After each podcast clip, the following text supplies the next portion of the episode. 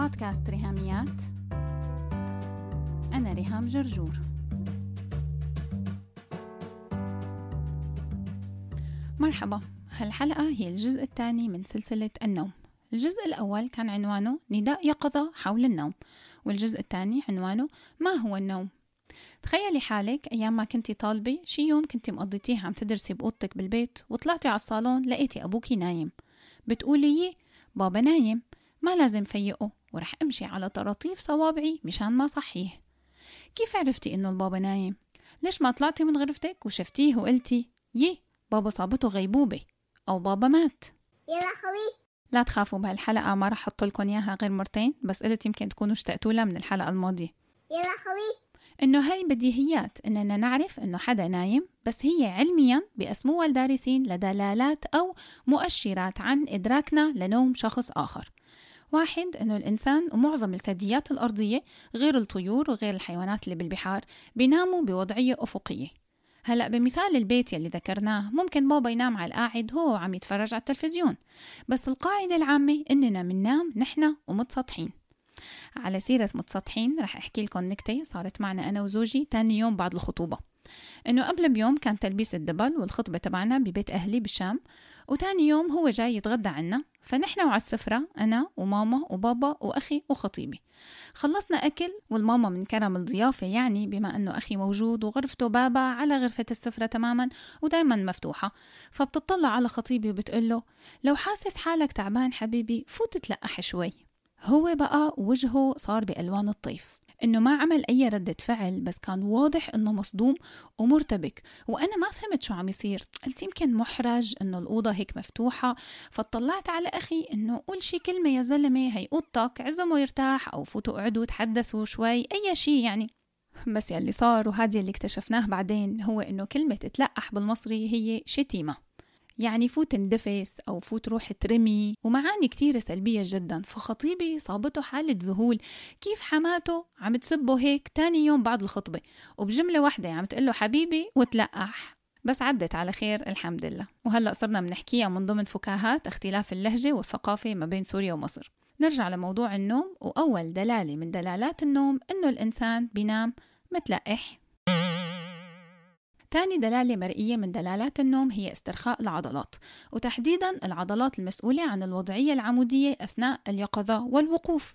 هي يلي بتحافظ على جسمنا بشكل طولي ومقاوم للجاذبية فبتدعم الهيكل العظمي بدل ما يكون عبارة عن كومة عظام مكومين على الأرض. ثالث دلالة من دلالات النوم هو أن الشخص النايم ما بيظهر أي مؤشرات على التواصل أو التجاوب مع العالم المحيط أو الأشخاص اللي حواليه. يعني لو رجعنا لبيتكم لما أنت فتي على الصالون بابا ما التفت يشوفك أو يحكي معك لأنه كان نايم. لو كان فايق كان تواصل وتجاوب معك. رابع دلالة للنوم هو أنه يمكن إيقافه بسهولة أو عكسه. Sleep is easily reversible. ما وضعية دائمة وهذا يلي بيميزه عن الغيبوبة أو التخدير أو السبات الشتوي أو الموت. فلو أنت مثلا كنت تشنكلتي برجل الترابيزة وعملتي صوت فكنتي فيقتيه للبابا خامس دلالة أنه النوم بيخضع لجدول زمني متكرر. كل 24 ساعة والبشر كائنات نهارية يعني عندهم تفضيل للصحيان خلال اليوم والنوم خلال الليل.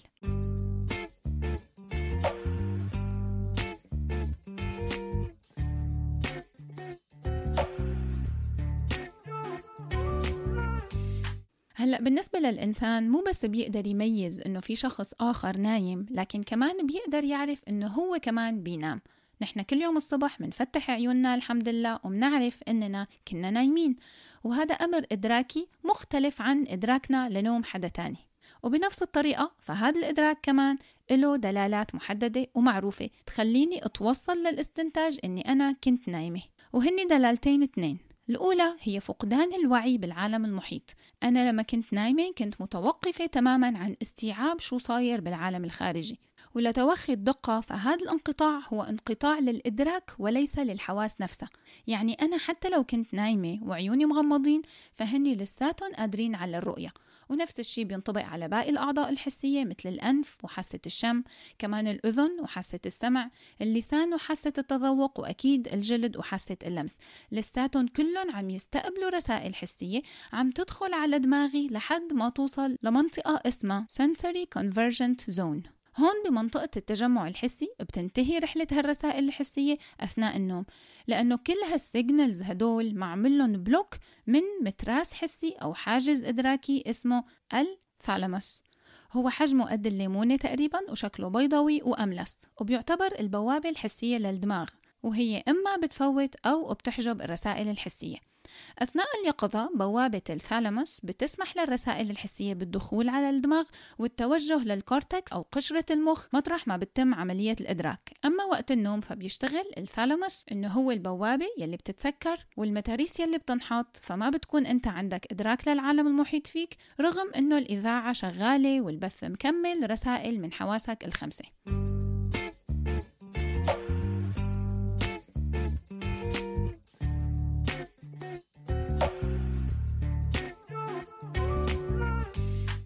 هذا الانقطاع باليقظة وتوقف إدراكي للعالم المحيط هو بكلمة واحدة منسميه النوم.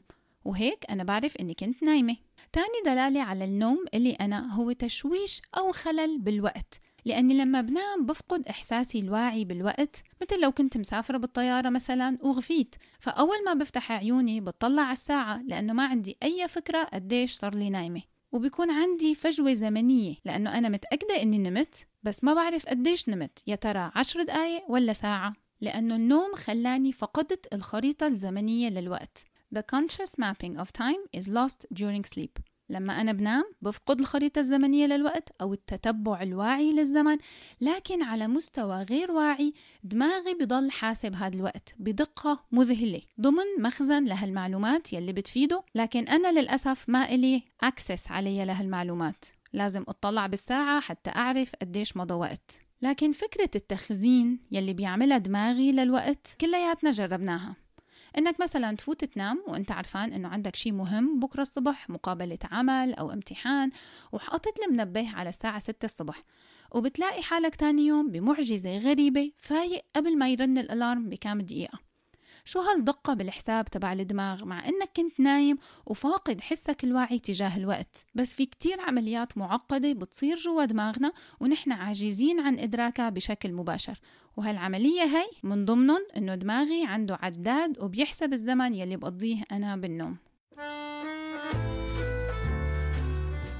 R I H A M I A T at uh, gmail دوت كوم.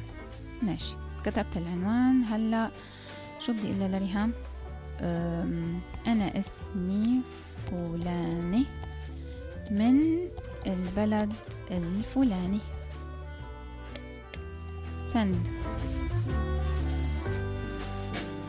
شفتي شو سهل الاشتراك بال course المجاني؟ Wild and Free 2020 تابعي حساب ريهاميات على إنستغرام وصفحة ريهاميات على الفيسبوك و hashtag Wild and Free 2020 لو حابة تاخدي فكرة عن ال course المجاني يلي رح يكون بخلال سنة 2020 عبارة عن 52 فيديو رح نشتغل عليهم خلال السنة الجديدة. لا تترددي بعتي لي إيميل على ريهاميات at gmail.com في اسمك وبلدك وخلي سنة 2020 تكون سنة التغيير الحقيقي بحياتك. تغيير صغير فرق كبير. قلنا أنه حساب الوقت أثناء النوم هو واحد من العمليات يلي ما عنا إلها وصول مباشر أو أكسس ندخل نعدلها مثلا أو نمسحها. بس كمان ضمن فكرة الخلل الإدراكي للوقت لازم نذكر تمدد الوقت بالأحلام. لما تحلمي ما بيكون الوقت هو هو جوا الحلم مع برا الحلم. الوقت جوا الحلم بيحصل له تمدد dilation. أكيد جربتي شي مرة إنه يرن المنبه تبعك وكبستي سنوز إنه يسكت ويرجع يرن بعد خمسة دقايق. فبتغفي دغري وبترجعي تحلمي فورا وبيرن الألارم بعد هالخمس دقايق بس أنت بتفيقي حاسة إنه صار لك ساعة عم تحلمي مو بس مجرد خمس دقايق. النوم فيه مراحل خالية من الأحلام لكن جوا الأحلام بيكون عندنا نوع من أنواع الحس الزمني وهذا الحس الزمني أبعد ما يكون عن الدقة والواقع لأنه الوقت جوا الحلم بيكون ممطوط كتير وأطول من الوقت الحقيقي. هلا العلماء لسه ما توصلوا لسبب هذا التمدد بالحس الزمني أثناء الحلم لكن دائما الأبحاث مستمرة لسبر أغوار هذا النشاط الغامض يلي هو النوم. من ضمن التجارب يلي اتعملت كانت على فئران اختبار ربطوا دماغها بمجسات لقياس نشاط خلايا الذاكرة أثناء ما كانت الفيران عم تركض جوات متاهة وكانت الفيران عم تتعلم اتجاهات المتاهة. ضلوا العلماء رابطين المجسات وقت نوم الفيران يلي هو مراحله بتشبه كتير مراحل النوم عند الإنسان وخلاله الفيران بتمر كمان بمرحلة ال REM sleep Rapid Eye Movement المرحلة يلي بيصير فيها الحلم. والاكتشاف كان إنه نفس مؤشرات النشاط رجعت تظهر على خلايا الذاكرة أثناء ما كانت الفيران نايمة وهذا خلى العلماء يتوصلوا لإكتشافين. أولا أنه نشاط خلايا الذاكرة كان شغال هو هو أثناء عملية التعلم وأثناء النوم. مو بس هيك لكن بالنوم كان في تكرار لهذا النشاط مرة ورا الثانية يعني الذكريات كان عم يعاد تشغيلها أثناء النوم كأنه عم يحصل له replay تاني اكتشاف اللي كان مدهش جدا هو سرعة إعادة التشغيل replay speed كانت إعادة التشغيل للذكريات خلال ال REM sleep أبطأ بكتير نسبة ليلي قاسوه أثناء ما كانت الفيران فايقة وعم تتعلم المتاهة. وفرق السرعة هاد كان كبير كتير وملحوظ لدرجة أنه ممكن يوصل للنص أو حتى ربع السرعة الأصلية. هذا يمكن بيفسر لنا كتير ظواهر بخصوص الأحلام. إننا أثناء النوم بيحصل بدماغنا slow neural recounting of the day's events يعني إعادة سرد لأحداث اليوم ببطء. إنه يكون عندي منبر أقدم من خلاله محتوى يعمل فرق حقيقي بحياة الناس وتحديدا بحياة المرأة الناطقة باللغة العربية حول العالم فهذا المنبر أنا بالنسبة لي بعتبره شرف.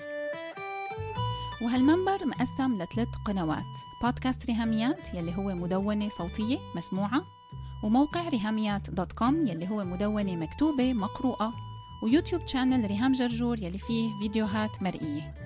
وهالثلاث قنوات بيخدم عليهم صفحة فيسبوك وحساب على إنستغرام. لحتى حافظ على المحتوى إنه يكون مجاني ويكون كمان قيم من حيث المضمون ومن حيث الشكل كمان والقالب يلي بقدمه فيه بحتاج إني أشتري كتب بحتاج أصرف على معدات وأدوات وكمان بكون عندي اشتراكات والتزامات مادية أونلاين. وهالشي ما بقدر أقوم فيه لحالي لأنه بشكل استنزاف مادي بالنسبة لإلي. لهيك أنا حابة أشارككم بطريقتين متاحين ليلي حابب يدعم المحتوى المجاني لبودكاست ريهاميات والموقع واليوتيوب channel إنه فيكم تقدموا التدعيم عن طريق باي بال أو موقع باتريون سواء بمبلغ معين أو بدعم شهري بيبتدي من دولار واحد بالشهر.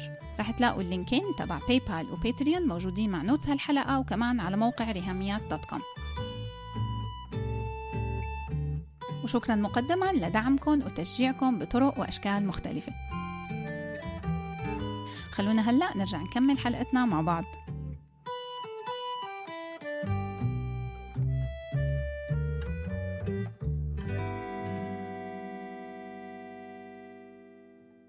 هلأ بعد ما عرفنا شو هي الدلالات يلي بتفهمنا إنه حدا تاني نايم أو إنه أنا نايم خلونا ناخد فكرة سريعة عن مراحل النوم.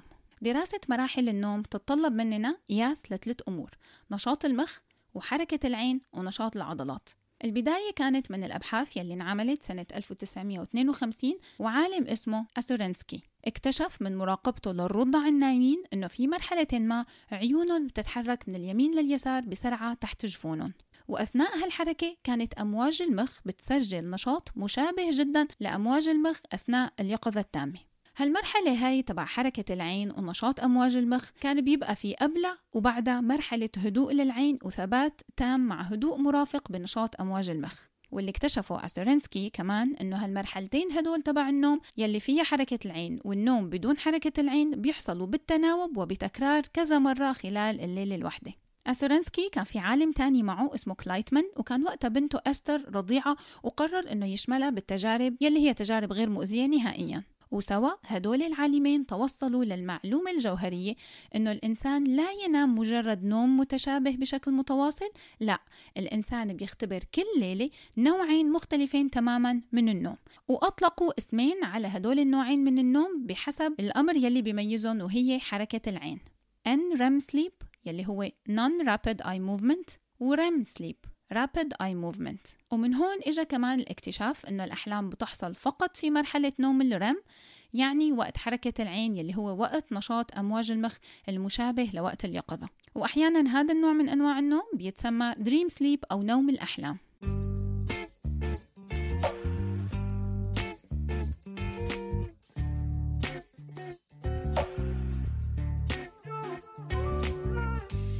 وخلال السنوات اللي بعد هالاكتشاف اتطورت الدراسات أكثر والعلماء ركزوا على ال NREM sleep قسموه لأربع مراحل. فيهم المرحلة الثالثة والرابعة بيختبر فيهم الإنسان أعمق نوع من أنواع النوم. وصار في تقسيمة واضحة لشيء اسمه sleep cycle دورة النوم فيها تناوب مستمر للنوعين من النوم وبتدوم الدورة الواحدة فيهم 90 دقيقة. بتبدأ ال sleep cycle الوحدة بنوع NREM sleep ورح نسميه النوم العميق وبعدها REM sleep يلي فيه ال rapid eye movement ورح نسميه نوم الأحلام. وبنرجع منعيد التناوب ما بين النوم العميق ونوم الأحلام وهلم دواليك. وكل ساعة ونص بتبتدي دورة نوم جديدة. فلو أخذنا ليلة واحدة منلاقي إنه النص الأولاني من الليل بتكون فيه ال sleep cycle الغالبية العظمى من الوقت بنقضيه بنوم عميق وفترة قصيرة بنوم الأحلام يلي هو REM sleep لكن مع تقدم الليل والنص الثاني من ليلتنا بتصير ال cycle الواحدة من النوم فيها مدة أطول بنقضيها بنوم الأحلام ومدة أقل بكتير بنوم ال NREM sleep أو النوم العميق. كل ما أتذكر بدايات بودكاست ريهاميات كيف سجلت الحلقات الأولى على موبايلي؟ بمجرد أنه كان معي السلك الأبيض تبع السماعة يلي فيها ميكروفون. وكيف أني تدريجيا اشتريت أول ميكروفون professional وبعدين الثاني وبعدين اشتريت برنامج متخصص لل sound editing بس اللي كان معي من أول يوم ومن أول حلقة هو باز براوت أي حدا عم يفكر يبدأ البودكاست الخاص فيه بنصحكم لما تجوا تختاروا host أو موقع مستضيف للبودكاست إنكم تختاروا باز براوت ال podcasting مغامرة ممتعة كتير لو معكم الأدوات الصح. وبالنسبة لإلي ال podcasting هو شغل ولكنه ممتع ومثمر لأنه معي الأدوات الصح وواحدة من هالأدوات هي باز براوت بشجعكم تنضموا لأكثر من 100 ألف podcaster بيستخدموا باز براوت ورغم أنه عددنا ضخم لكني دايما معهم حاسة أنه بودكاست ريهاميات مميز وأنه ما مجرد رقم بالزحمة. وعن طريق باز براوت قدرت أضمن أنه البودكاست تبعي يكون موجود على كل ال directories المشهورين أبل وجوجل وسبوتيفاي وستيتشر وكل الأسامي العالمية الكبيرة. مع notes هالحلقة بتلاقوا link يعرفكم أكثر على باز براوت وكمان بخبرهم إنكم تعرفتوا عليهم عن طريق بودكاست ريهاميات ومن ها ال link بيطلع لكم هدية بقيمة 20 دولار من أمازون لما تختاروا واحدة من الاشتراكات الشهرية المدفوعة الأجر. مع باز براوت البودكاست تبعك والبودكاست تبعك ما رح يكون مجرد رقم بالزحمة.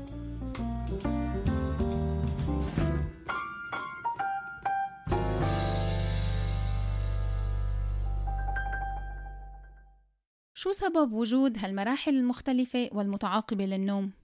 التتالي والتكرار ما بين النوم العميق ونوم الأحلام. ليش مثلا ما كان تصميم النوم إن الواحد بالأول بياخد كفايته من النوم العميق وبعدين بقى بندخل على نوم الأحلام؟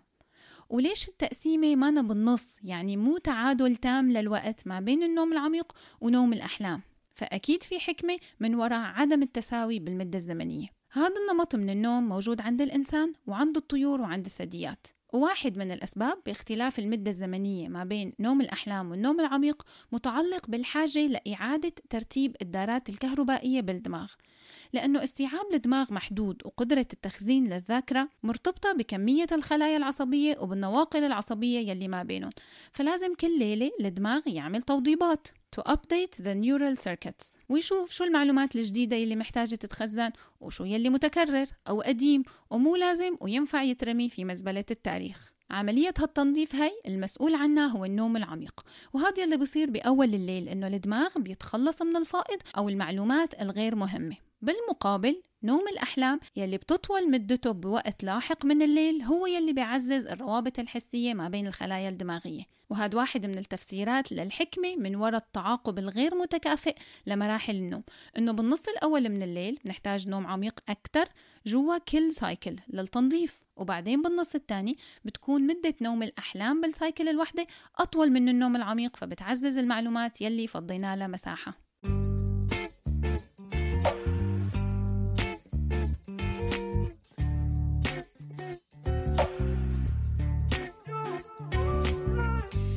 ماثيو ووكر يلي قدم هذا التفسير بيشبه العملية بمنحوتة بمكعب صلصال. منبتديها بتقطيع قطع كبيرة من المحيط والتخلص من هالقطع بس مع مراعاة التدقيق مثل ما بيصير بفترة النوم العميق يلي هي بأول الليل فترة طويلة نسبيا مقارنة بالفترة القصيرة من نوم الأحلام.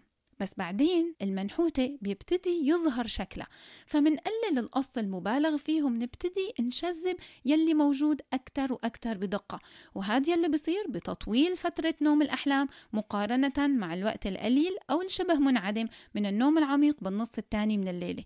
طالما يلي باقي من المنحوتة هو الجزء المهم مقارنة مع الكتلة الخام الأصلية يلي كنا بدأنا فيها من أول الليل. وهذا طبعا هو الأساس بشغل الدماغ على الذاكرة والتعلم أثناء النوم لأننا بأيامنا بتكون خبراتنا مختلفة ومتراكمة على طول السنين لهيك كل يوم بيومه بنحتاج النوم وتحديدا فيما يخص الذاكرة والتعلم مشان تكتمل منحوتة خبراتنا ومعلوماتنا أثناء النوم. لما نحن عم نفضي مساحة للجديد ونرسخه أكتر. لهيك بنحتاج كل ليلة لنوم متجدد وغني بمراحله المختلفة.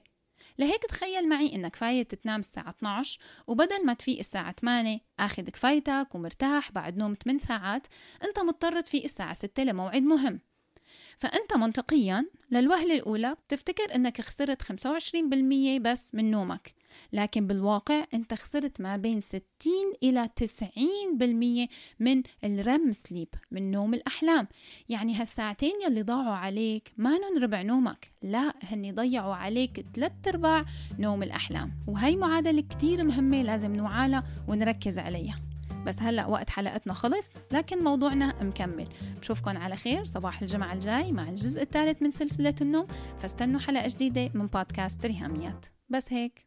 لو عجبتكم الحلقة لا تنسوا تشاركوها على ال social media حتى ناس أكثر تستفيد. تقدروا تتواصلوا معي عبر الموقع الإلكتروني لبودكاست ريهاميات www.rihamiat.com أو تبعتوا لي إيميل على ريهاميات at gmail.com أو message واتساب على الرقم 020 12 79 709 719 وعلى الفيسبوك دايما تابعوا صفحة وهاشتاج ريهاميات. سلامات.